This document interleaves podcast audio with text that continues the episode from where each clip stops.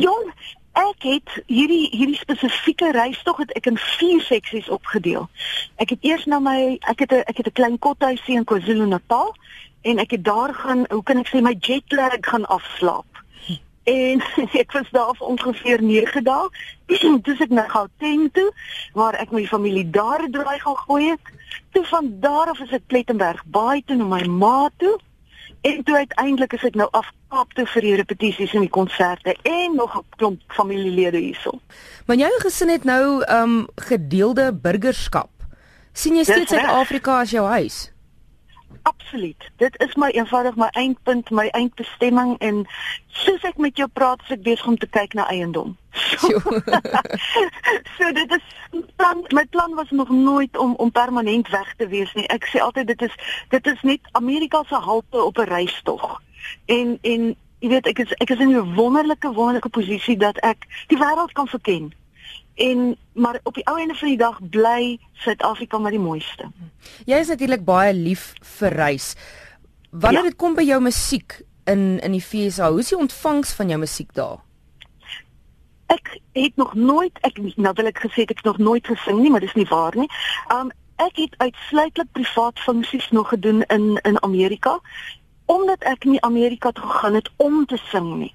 My idee was nog altyd om Amerika te gebruik as 'n laboratorium, 'n plek waarheen ek gaan om my batterye te herlaai, die plek waarheen ek gaan om in my ateljee te sit en werk aan 'n volgende projek of om te skilder of om te skryf. Met die gevolg is ek nog nooit die Amerikaanse mark ontgin nie. Wanneer ek konserte hou, hou ek dit of in Nederland of in België of natuurlik hier so by die huis. Sal jy dit ooit oorweeg om jou musiek daar bekend te stel in die Amerikaanse mark te beproef met jou musiek? Weet jy, ek is so nismarkkunstenaar en en ek is ek is bewus daarvan dat dat ek is so uniek dat daar nie mense gaan wees wat miskien sou aanklank vind nie. Maar die gevolg is natuurlik as as as Jaconel Mouton vir my kom kuier in Amerika wat vir my nou begelei, um, dan sal ek bitter vinnig my konserte wat oplei, oplyn. Maar ek dink dit is dit is uh, jong my musiek is is verhalend. My musiek is is nie uh hoofstroom nie. Hmm. In die geval is ek sommer 'n handgekiesde publiek moet bymekaar maak vir so 'n geleentheid. Nou alhoewel jy nie noodwendig daar optree nie, jy skryf nog steeds en jy werk nog steeds want dit is jou huis. Het jy al met Amerikaanse musikante, skrywers en so gewerk? Ja, wie ek het die wonderlike jy gaan nie glo nie, jy weet, wanneer 'n ou so oor die wêreld reis, dan versamel jy skielik 'n klomp expats, soos ons ons mekaar noem, 'n klomp ex-Suid-Afrikaners of Suid-Afrikaners wat in transito is en ek het met 'n ouetjie met die naam van nou gaan ek net skielik glad is Ashton Knight dat sê. Ja. Um Ashton Knight is 'n is ook 'n Suid-Afrikaner wat ook dubbel burgerskap het.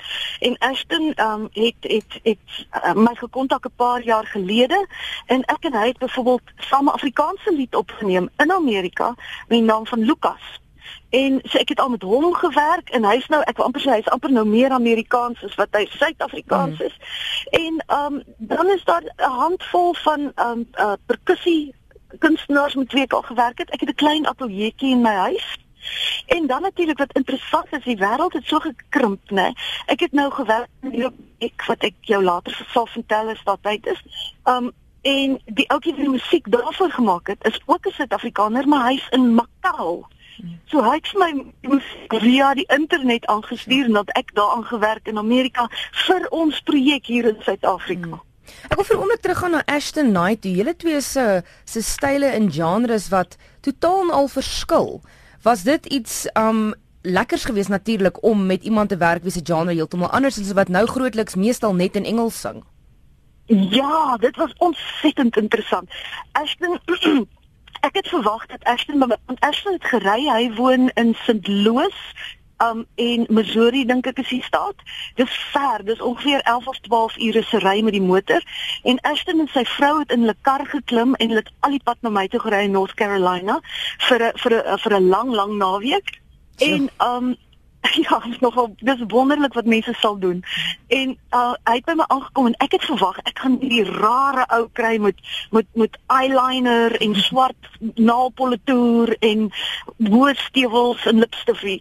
En hier kom hierdie oordentlike verskriklike liewe jong man en 'n verskriklike nice vrou en hy praat met my die mooiste Afrikaans alhoewel hy eintlik Engels sprekend is. Hmm. En um ek dink ons het ons het ons het 'n outomatiese rapport gehad want ons is albei nog poëties ingestel. Sy lirieke is pragtig. En dit was ons stemme het mooi saamgewerk. Dit was net dit was ek dink dit was maar bedoel hmm. dat ons baie sou kruis. Jy is Suid-Afrika se kaalvoet kunstenaar en ek seker jy kry hierdie hierdie vraag baie. Jy sing nie kaalvoet omdat jy skoene jou seermaak nie. Hoekom het jy besluit om jare terug jou skoene uit te skop en dan op die verhoog te gaan? Weet jy, um, daar's 'n verskeidenheid van redes, maar dit het begin toe ek 'n uh, skoolkind was. Uh, ek het baie in die kerk gesing en ons kerk het 'n uh, balkon gehad en die balkon is waar die orgel gestaan het. En as ek met hakke daarbo gestaan het, het my altyd gevoel so ek so ver is van almal af. En ek het begin om my skoene uit te skop as ek op die galery staan en sing. En toe kom ek toenemend agter dat dat dis nou as goed ongaaf om baie mooi te lyk as jy aankom by 'n plek, maar ek ek kan nie op 'n stoel klim en sing nie. Ek kan nie ek kon nie van die voorg af klim en sing nie. En toenemend het dit net vir my makliker geword en dan laastende maar, maar nie die minste nie, jy weet, um, anders as as ander musikante, as jy 'n sanger is, is jou liggaam jou klankboks. En wanneer jou liggaam jou klankboks is, dan wil jy seker maak dat daai klankboks oordentlik, ek wil amper ges, eh, gebalanseerd is, dat hy lekker stewig op die grond staan. En vir my wat met my hele lyf sing, het dit die meeste sin gemaak. As ek kaalvoet sing, dan weet ek gaan ek nie omval nie. gaan ek die beste die beste stans, is die Engelse woord daarvoor hê om om om om lekker te kan sing. Watter projekte is jy tans besig om aan te werk?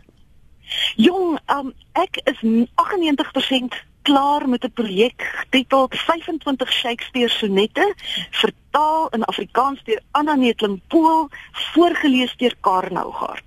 En die projek was een van die lekkerste projekte wat ek in 'n lang tyd gedoen het omdat dit 'n hartsprojek is. Ek is die ek is die uitgewer daarvan.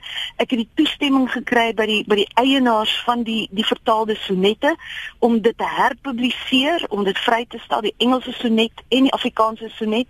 En dit is waarvoor Chris in Macau vir my musiek gemaak het onder meer op die Keltiese harp en die Armeense uh, herdersfluit en op 'n hurdy gurdy. So dit is regtig 'n vreeslike interessante projek gewees vir my want uh, ek is maar liever ek is maar liever mooi mooi woorde en tant Anna se se vertalings is pragtig. Hmm. Dis sê vir my gaan ons dit in Suid-Afrika ook kan kan kry? Beslis, ek het dit nog nie vrygestel nie. Die intensie is of laat hierdie jaar of volgende jaar hopelik by die um, woordfees vry te stel. Hmm. Nou, wanneer jy kyk na jou musiek van die begin van jou loopbaan af tot nou, is daar liedjies wat jy nie meer regtig geniet om te sing nie of liedjies wat jy geskryf het wat jy nie regtig meer aanklank vind nie? ja, natuurlik. Ek dink ek dink um omdat 'n mens nie stagneer of stagnaat bly nie. 'n Mens is heeltyd fliks, nie net fisies nie, maar ook natuurlik emosioneel. Beteken dat ek sal byvoorbeeld met moeite lui lui telefoon nou sing. Alhoewel ek miskien so 'n kort 'n kort stukkie sou sou verwerk, sal ek bitter moeilik die hele lied nou sing want ek is nie meer 18 nie. Jy weet, um daai daai dae is lank lank lank reeds verby. Mm -hmm. Maar die meeste van my liedjies kristal moet ek vir jou sê wat veral die goed wat ek self geskryf het, um dink ek dink ek alhoewel ek dalk nou ouer is en en en en verder is in in, in my in my in my lewe en bietjie meer insig toon dink ek op 'n sekere vlak is die kern van die liedjies maar dieselfde ek is 'n liefdesliedjie skrywer en die liefde is mos maar ewig Verseker. Nou om af te sluit, jou huistaal is steeds Afrikaans. Al woon jy in die FSA, maar jy vind soms dat um weet jy jy's omring deur die hele tyd deur Engelse mense behalwe nou in jou huis is en wanneer jy met Afrikaanse kunstenaars werk, vind jy dit soms dit dat dit moeilik is om om in Afrikaans te skryf om jy dit nie meer elke liewe dag heeldag hoor nie. Uh ek sou ek dink ja, ek vind mense tong raak 'n bietjie lui en ek vind dat 'n mens mettertyd geneig is om te soek na woorde. En ek vermoed dit is omdat 'n mens, jy weet, dit is maar ook 'n brein is maar 'n spier. As jy nie die hele tyd gesprekke het spesifiek in spesifieke genres nie, dan sit jy met die dilemma, o, en ek kom nou 'n kar. Ek sit in 'n motor in Betty's Bay met jou en praat. Dis eens kon ek gaan uit. Jy gaan nou die see hoor in die agtergrond. Wonderlik. so vir die luisteraars, hele Betty's Bay is pragtig. Ek gaan nou buite staan.